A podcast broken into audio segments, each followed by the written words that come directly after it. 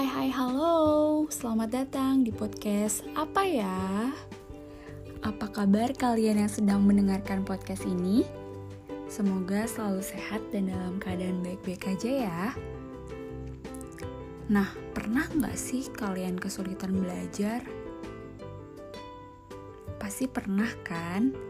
Dalam podcast kali ini saya akan membagikan 8 tips belajar efektif.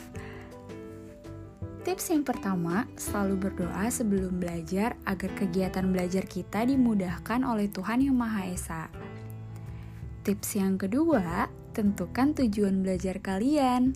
Hal ini akan membuat kita menjadi lebih bersungguh-sungguh dalam belajar. Tips yang ketiga, belajar di mana pun yang kita suka. Dengan memilih tempat belajar yang kita sukai, tentu akan membuat kita senang dan merasa nyaman untuk belajar. Tips yang keempat, bagi waktu belajar kalian dengan aktivitas lainnya agar kegiatan belajar menjadi lebih terstruktur dan rapih serta sesuai dengan perencanaan.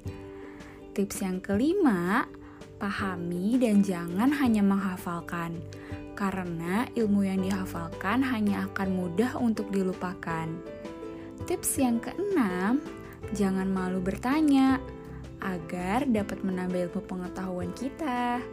Tips yang ketujuh, coba terus meski gagal. Karena kegagalan sebagai pembelajaran untuk tidak lagi mengulang hal tersebut. Tips yang kedelapan, setelah selesai belajar, jangan lupa berdoa kepada Tuhan Yang Maha Esa karena telah memberikan ilmu kepada kita.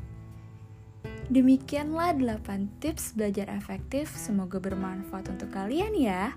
Sampai jumpa di podcast selanjutnya. Bye bye.